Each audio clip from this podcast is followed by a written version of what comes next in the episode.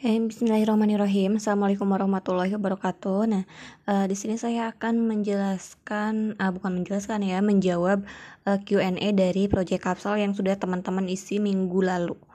Uh, ini ada yang masuk tuh udah 15 pertanyaan. Bentar saya cek satu-satu. Hmm, nah, ini dari Fanny pertanyaannya.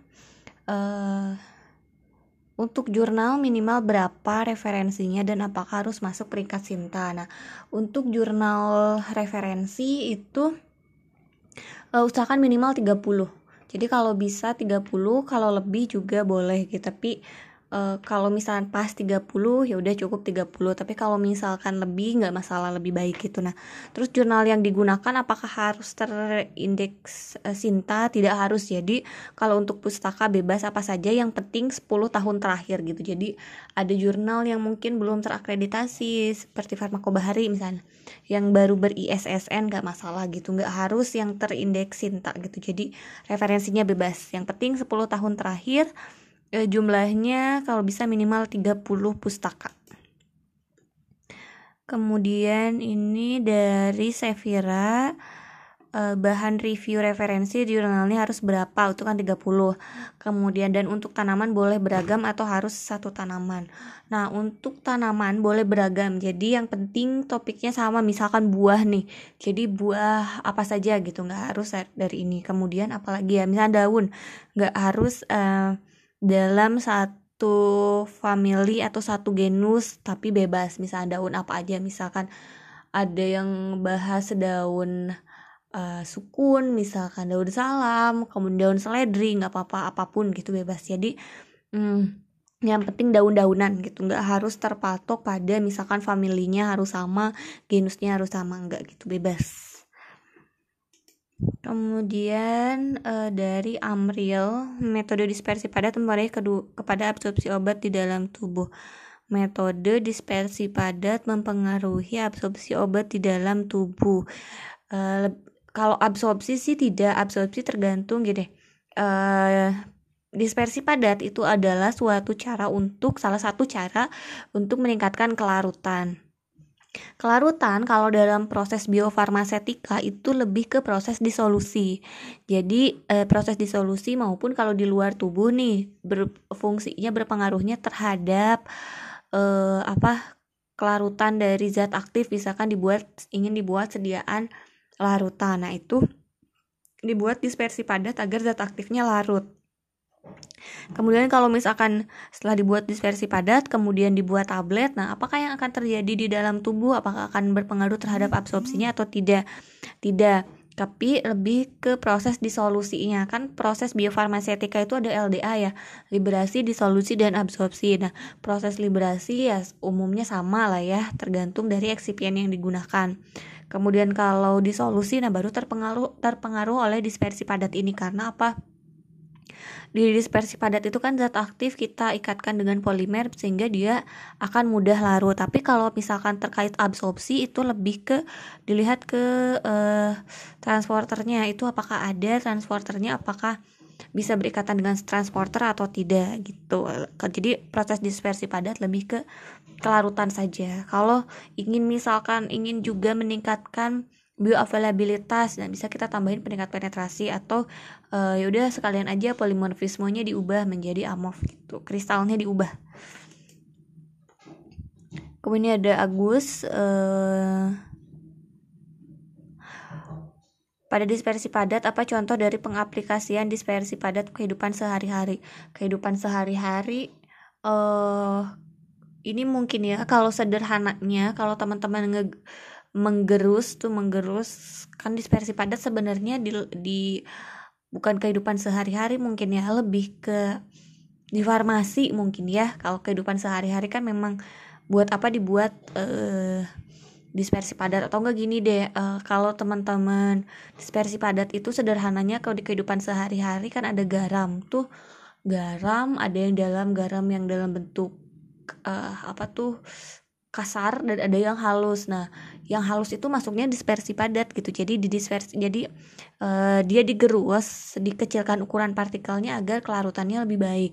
Gula misalkan tuh ada pada saat bikin kue itu kan ada yang pakai gula halus ada yang pakai gula pasir kenapa sih harus pakainya gula halus bukan gula pasir nah, karena um, itu akan berpengaruh terhadap apa nanti kelarutan gulanya akan lebih cepat larut yang mana sih yang gula halus sehingga kalau misalnya ternyata di rumah nggak ada gula halus ya udah gula pasir aja di blender. Nah, itu salah satu uh, proses dispersi gitu dispersi padat. Jadi kan dispersi padat itu adalah dia mengecilkan ukuran partikel di mana fungsinya untuk meningkatkan kelarutan gitu mempercepat kelarutan gitu. Nah ini juga sama. Yang gula pasir yang tadinya berbentuk seperti pasir di blender kemudian nanti jadi halus dan itu pun kalau di kerupan sehari-hari masuknya dispersi padat gitu kalau di farmasi jelas banyak kan ya uh, ada yang misalkan untuk obat-obatan atau enggak kalau misalnya teman-teman di um, lab nih pada saat apa ya uh, mau bikin suspensi itu kan zat aktifnya susah terbasahi terus harus ditambahin dulu dengan um, biasanya gliserin, humectan atau propylene glikol itu salah satu aplikasi sederhana dari dispersi padat. Yang lebih kompleksnya ada itu yang uh, berbagai obat-obatan yang suka larut dalam air tapi kita uh, campurkan dengan polimer agar dia mudah larut. Jadi seperti terlarut dalam air padahal dia berikatan dengan polimer dan terlarut dalam air gitu.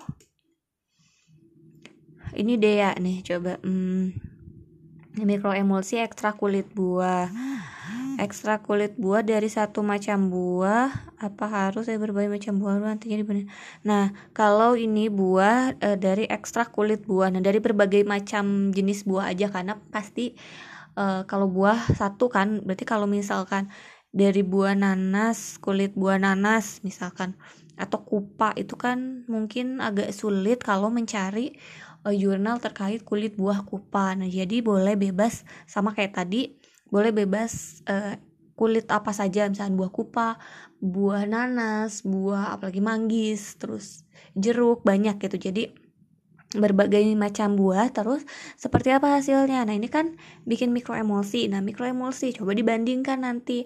Kalau pakai hmm, ini kan ekstrak nih. Kalau pakai ekstrak kulit uh, ekstrak kulit uh, mikroemulsi yang dihasilkan itu lebih stabil yang mana? Tapi lebih fokusnya itu lebih ke uh, di mikroemulsinya sendiri. Nanti kalau misalkan nih ya mikroemulsi dari kulit buah nanas dengan surfaktan twin dan uh, kosurfaktannya etanol. Misalnya satu lagi uh, ekstra kulit manggis misalnya kulit manggis kemudian um, surfaktannya misalkan twin 80 dan span misalkan kosurfaktannya atau profilen glikol. Nah, dibandingkan lah yang paling baik itu yang mana. Jadi nanti kesimpulannya itu mikroemulsi untuk ekstrak kulit buah yang paling baik itu dengan formulasi misalkan twin 80-nya uh, 30% misalnya kosurfaktannya etanol 10% oh ternyata hasilnya paling baik. Jadi lebih ke fokusnya tuh ke uh, eksipien dari mikroemulsinya gitu. Nah, kalau nanti ekstraknya terus tujuannya buat apa ya? Dilihat aja kira-kira ekstrak kulit buah ini dia fungsinya sebagai apa sih? Apakah sebagai antioksidan, antiinflamasi, obat dirawat atau lain-lain gitu. Jadi dibahas aja.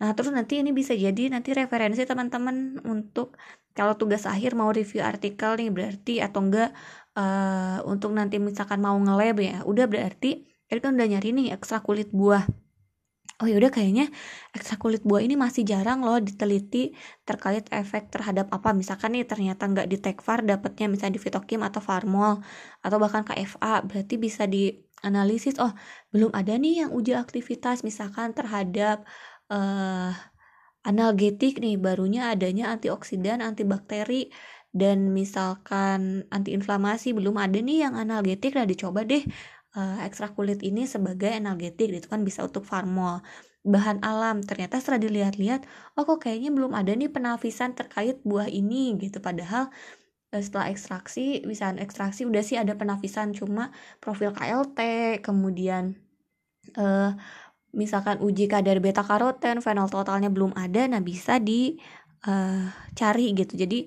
semakin banyak teman-teman baca jurnal itu nanti wawasannya akan terbuka terus akan kebayang oh kayaknya tugas akhir mau ini deh mau ini deh gitu. Itu ya berarti uh, dia jadi lebih dibandingkan jadi berbagai macam ekstrak buah kemudian nanti dibandingkan lebih ke formulasinya karena kan ini tekfar jadi formulasinya dari mikroemulsi yang membedakan apa saja. Eksipiennya yang berperan. So dilihat juga karakteristiknya misalkan ukuran partikelnya ukuran globulnya ternyata yang paling bagus tuh ukuran globul terkecil tuh kalau pakai surfaktan apa dan kosurfaktan apa gitu. Jadi di kesimpulannya itu seperti itu. Kemudian ini dari Agustin hmm, gel isolat. Nah ini sama. Jadi lebih pertanyaannya tuh yang dari tadi tanaman tanaman buah dan isolat. Jadi bebas dari berbagai isolat. Jadi misalkan emul gel ada isolat EPMS kemudian kurkumin desmetoksikurkumin alfa mangostin beta mangostin terus dan lain-lain gitu. Jadi memang uh, emulgel dari berbagai isolat gitu. Bukan cuma satu isolat biar lebih banyak. Karena uh, yang saya tahu untuk proses apa ya pembuatan isolat menjadi bentuk sediaan itu memang sangat jarang. Jadi teman-teman kalau misalkan masih nanti mau apa lab di lab nah itu isolat bisa kalau di Tekfar misalkan. Karena memang masih belum banyak diaplikasikan gitu masih jarang penelitian terkait uh, proses pembuatan uh, sediaan dari isolat itu terus ini dari Mega Ayu format sama format tugasnya format tugasnya. Nah format tugasnya itu kalau yang dari saya tuh lebih ke urutan urutannya jadi apa saja yang dibahas itu poinnya itu. Tapi kalau uh, teman-teman lebih dalamnya mau seperti apa sih bebas. Tapi yang penting mah minimal ada itulah. Minimal ada apa ke mana tuh pendahuluan formulasi dan lain-lain gitu. Tumbuhannya satu atau dua atau bisa lebih bisa lebih. Kalau misalkan nemu tiga minimal tiga lah. Kalau misalkan uh, pustakanya masih agak sulit ya udah berarti tiga minimal. Tapi kalau lebihnya bebas sih. Dan kan berarti semakin banyak yang dibahas berarti kan semakin banyak tanamannya atau isolatnya atau zatnya berarti kan semakin banyak juga yang dibahas. Itu diperhatikan lagi apa teman-teman. Kira eh, kira-kira mampu membahas uh, tumbuhan banyak gitu misalkan. Tumbuhannya tuh udah banyak ada lima. Nah teman-teman sanggup nggak membahas kira-kira hmm, dengan waktu berapa nih? Misalnya satu bulan sanggup nggak membahas kira-kira untuk lima tumbuhan gitu? Kalau misalkan agak berat nggak apa-apa tiga juga cukup. Tapi kan itu yang jurnal utamanya. Nanti jurnal pendukungnya pasti akan banyak. Dapusnya berapa? Dapusnya e, minimal 30 jurnalnya bebas mau ISSN mau Sinta mau terindeks Scopus terindeks WOS atau Web of Science e, kemudian internasional ber ISSN bisa. Jadi bebas. Yang penting 10 tahun terakhir. Kemudian pertanyaan ke-9 Siti Nurella. Hmm, kebagian siklodextrin ekstrak nah tentang formasi Cleopatra gimana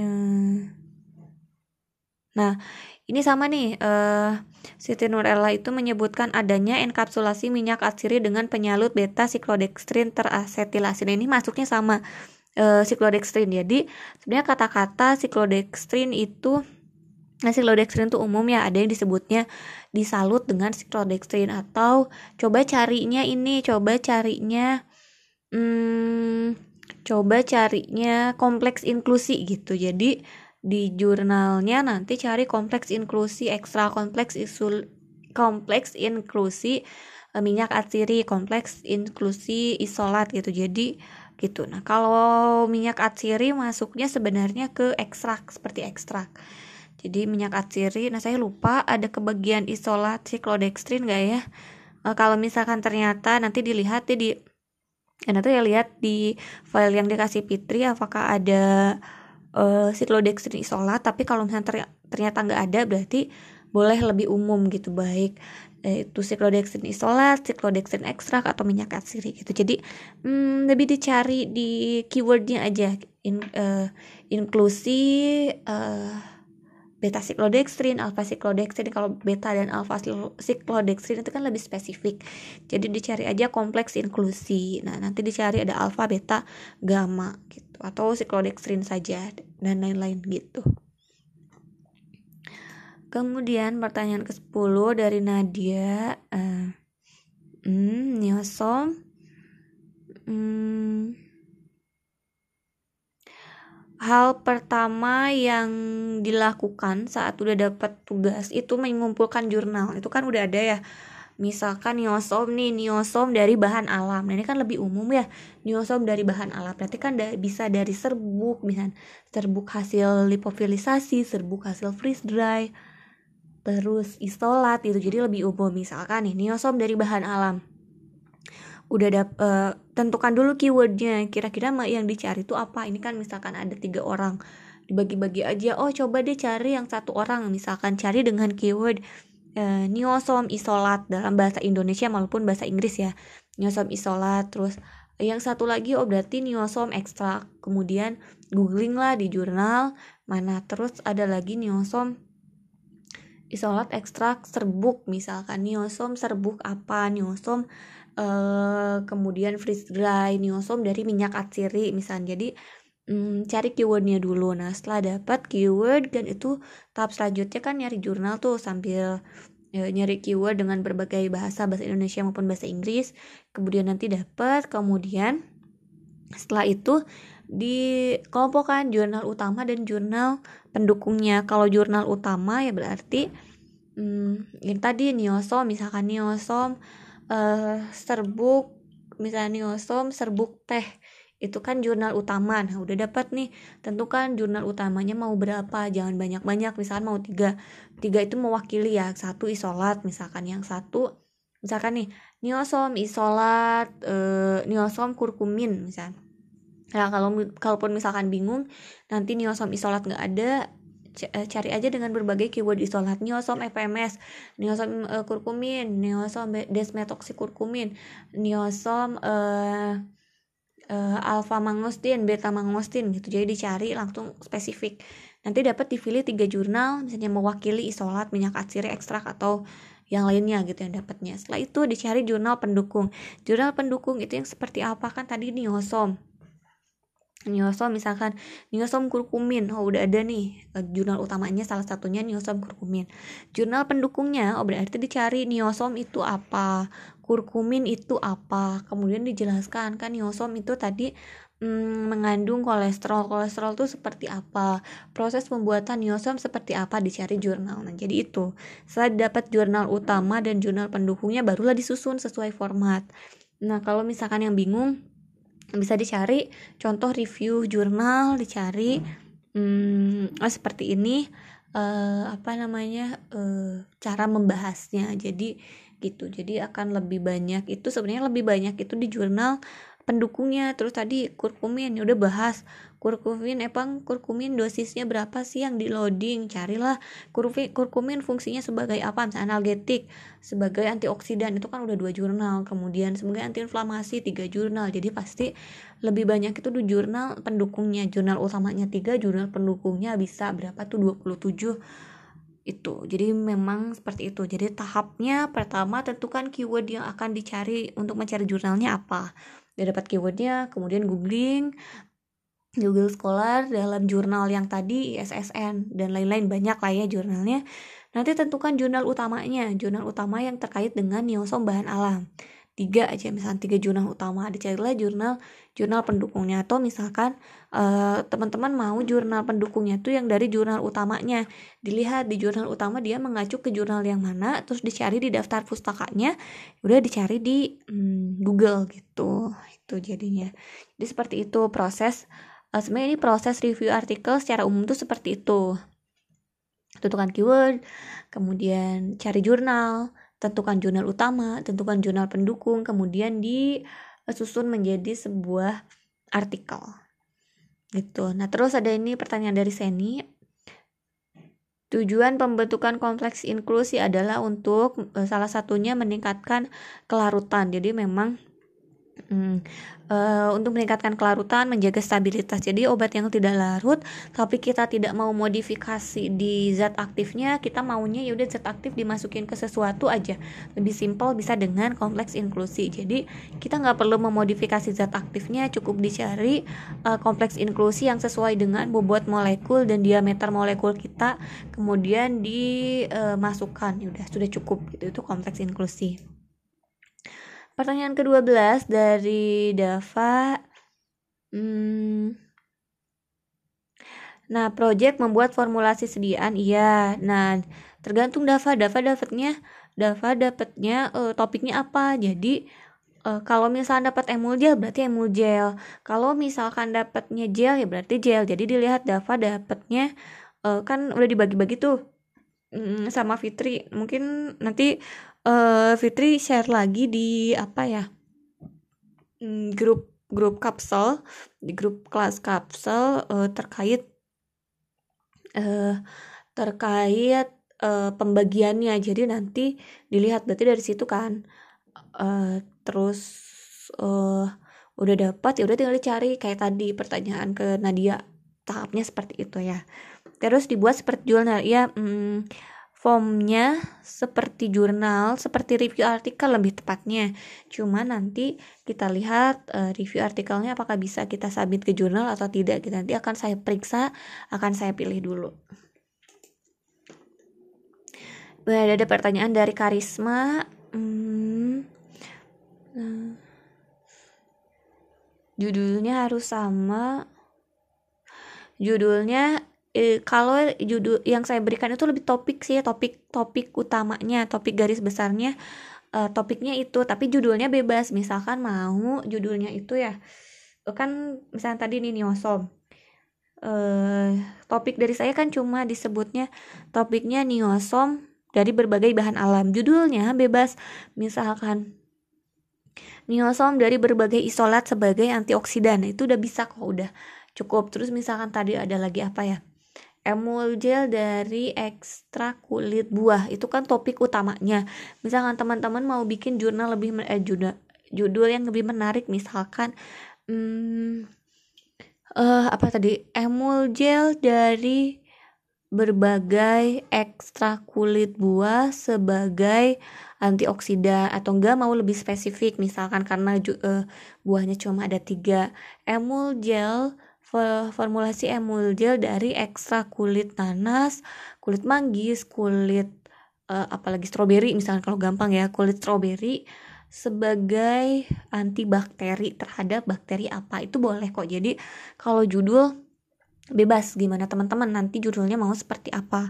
Kalau uh, topik yang saya berikan itu hanya topik umum gitu. Jadi judulnya bebas. Kemudian referensinya harus dari jurnal atau boleh dari buku? Boleh dari buku tapi bukunya 10 tahun terakhir. Jadi biasanya buku itu kan lebih tidak update kan. Misalkan yang Prof. Guswin itu tahun 2000 sekian. Jadi kalau misalnya ada buku-buku terbitan baru terus teman-teman punya boleh nggak apa-apa. Terus biasanya kan ada di hmm, Google Books nih.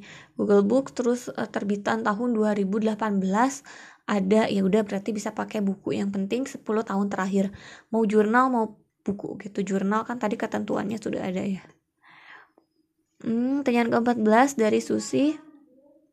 Uh, ya dibuat seperti review seperti review artikel. Kan saya sudah kirim juga ya. Hmm, contoh review artikel. Nanti teman-teman juga bisa cari review artikel sesuai topiknya. Misalkan hmm, uh, emul gel emul gel kulit buah. Ya udah dicari coba deh uh, gel kulit buah atau udah ada gak sih tablet dari ekstra kulit buah? Dicari pembahasannya seperti apa. Nah, gitu.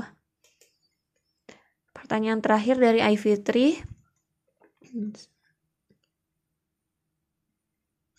Uh, lebih seperti review. Jadi lebih review artikel dari ber, jadi nggak perlu buat formula gitu. Cari uh, misalnya udah ada yang melakukan uh, formulasi emulgel ekstra kulit manggis misalnya. Terus dicari lagi ekstra kulit apa lagi yang dicari gitu. Nah, dari berbagai ekstrak ya, jadi dipilih aja ekstraknya mau apa saja. Karena kan ini tidak membuat formula beda.